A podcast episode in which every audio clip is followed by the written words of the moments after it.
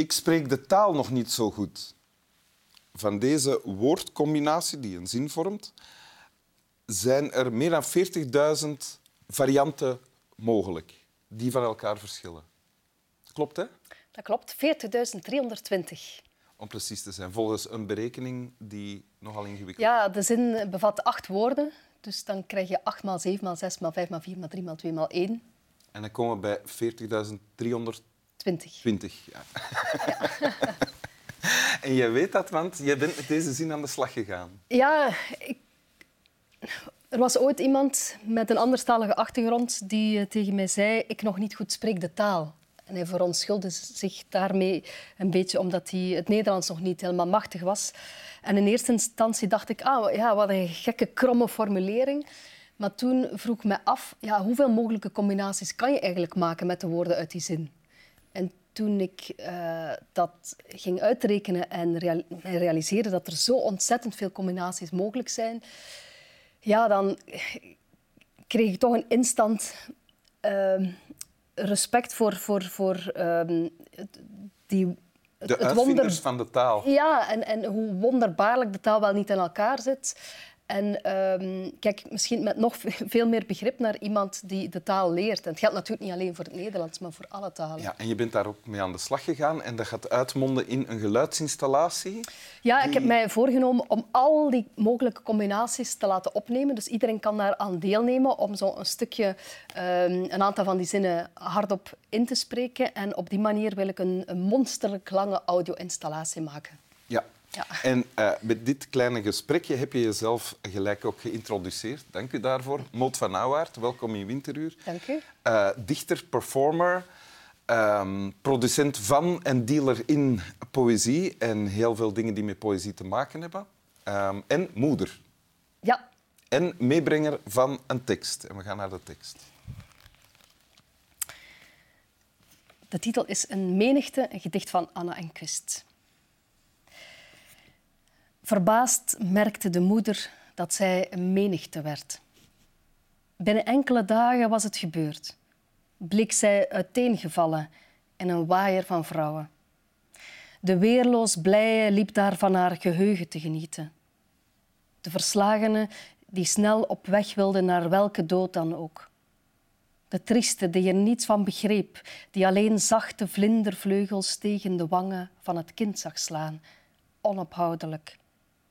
Ons is iets overkomen, kan ze zeggen. Wij zijn de menigte die moeder heet. En zij die in de verte aan het water staat en wenkt, is een van ons. Ja. Een gedicht van Anna Enquist. Ja, een fragment van een langer gedicht. Ja, we hebben een stuk weggelaten. Hè. Dat staat tussen de vierkante haakjes. En het begint met... Uh, verbaasd merkte de moeder dat zij een menigte werd. Ja, ik ben al heel erg gefascineerd door die ene regel die een beetje in een variatie helemaal op het einde terugkeert. Wij zijn de menigte die moeder heet. Um, vind ik een uh, verpletterend mooi en krachtig vers. Misschien ook al door die uh, alliteratie op die M, de, de menigte die moeder heet. Ja. Um, en ja, hoe, hoe, lees jij die zin? Wat, wat... Betekent dat iets voor jou? Ja, ik denk in eerste instantie gaat het voor mij over de vele rollen die je als moeder aanneemt. Je bent tegelijkertijd een moeder die zich ochtends in duizend bochten wringt om de kinderen op tijd op school te krijgen. Uh, zich smiddags probeert te focussen op haar carrière. En dan uh, s'avonds met één hand in een pot soep draait en met een andere een pamper ververst en tegelijkertijd nog naar een podcast over klimaatverandering luistert, want dat is ook heel belangrijk. Ja. Zo de, de vele rollen die, die, die één vrouw aanneemt, uh, uh, waardoor je denk ik als, als, als, als moeder al snel een soort volleerde jongleur wordt die heel veel balletjes in de lucht probeert te houden. Um, dat, dat is uh, wat ik in elk geval in eerste instantie in dit gedicht las. En zeker ook in dat beeld. Wij zijn de menigte die moeder heet. Um... In het gedicht uh, wordt gezegd van binnen enkele dagen was het gebeurd. Bleek zij uiteengevallen in een waaier van vrouwen. Ja. De, dat klinkt niet bijzonder positief, uiteenvallen in verschillende... Ja, nee. En ik, ik denk dat dat... Um vaak ook wel het gevoel is hè, dat, dat je veel energie nodig hebt om jezelf samen te houden. Maar het gedicht krijgt wel nog een hele nieuwe betekenis als je weet dat de dochter van Anne Enquist gestorven is, um, verongelukt. En ehm, dat dit ook het eerste gedicht is uit de bundel die verscheen na de dood van haar dochter. En als je dat weet, ja, dan lees je het gedicht toch ook op een heel andere manier. En gaat het denk ik vooral over hoe als je zoiets verschrikkelijks meemaakt, hoe je ja, echt het gevoel hebt dat je uit elkaar valt. Als, als een soort um, boeket met verdroogde, geknakte bloemen die op de grond liggen. Uh, de, de, de, waaier van vrouwen die daar ligt. En um, ja, wat me daar eigenlijk heel erg aan, aan ontroert, is dat dan zij, ondanks alles en ondanks dat verpletterende, verscheurende verdriet, ze kennelijk toch de kracht heeft gevonden om daar een gedicht over te schrijven. Om mhm. zichzelf toch even samen te pakken en, en dan ja, die onnoemelijke pijn te, te sublimeren tot, tot zo'n schoon gedicht. Is dat wat jij als dichter ook doet? Als, je, als het slecht gaat?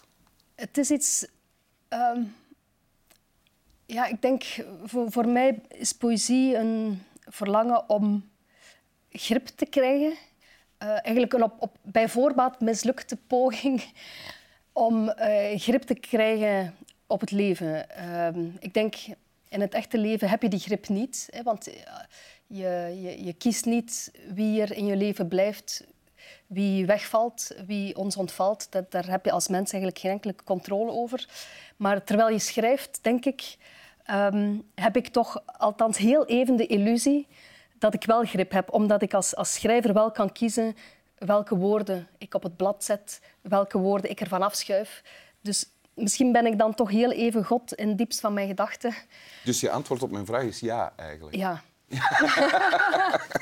Ja, mijn antwoorden zijn vaak heel omslachtig. Maar zijn zo denk ik ook. Heb je voorbeelden van momenten dat, jij, dat dat het niet goed ging of dat er iets gebeurd was, dat je dan snel begint te schrijven waar iemand anders op bed zou gaan liggen huilen? Ehm, ja, ik denk terug aan... Um, ik heb een paar jaar geleden, zoals denk ik ja, heel, veel, heel veel vrouwen het meemaken, uh, een, een, een miskraam gehad, twee, twee miskramen. Um, gelukkig redelijk vroeg in de zwangerschap. En Um, ik herinner mij dat die, die tweede keer... Um, ja, wat ik daar meemaakt, heeft natuurlijk op geen enkele manier uh, een, een, een, verband met het enorme verlies dat, dat Anna Enquist um, meemaakte. Maar ik herinner mij die tweede keer dat ik in, in de badkamer stond en dus dat vruchtje had, had verloren en daar zelf ook compleet verloren bij stond. En het eerste wat ik daarna deed, ik weet niet of ik kan raden, uh, was, was niet een fles whisky of zo soldaat maken, maar het eerste wat ik naar greep was een stukje papier. En um, ik ging een heel klein gedichtje daarop schrijven. En dat, dat was ja, ik, ik, ik, herinner me ook dat ik daar zelf een beetje op moest lachen, om die knulligheid, hoe belachelijk dat dat eigenlijk was. Hè? Want ik had net een nieuw leven verloren. En ik ging dan even zelf iets nieuws proberen te scheppen, wat natuurlijk op geen enkele manier um, de leegte die ik voelde op dat moment kon vullen. Maar um, ja, dat, dat, dat was op dat moment mijn enige manier om heel even terug grip te proberen krijgen. En ik, ik, zie mij nog gewoon lachen door mijn tranen heen van ja, wat zit ik er eigenlijk te doen? Ik ben gewoon een onnozel gedichtje aan het schrijven terwijl ik net een miskraam heb gehad.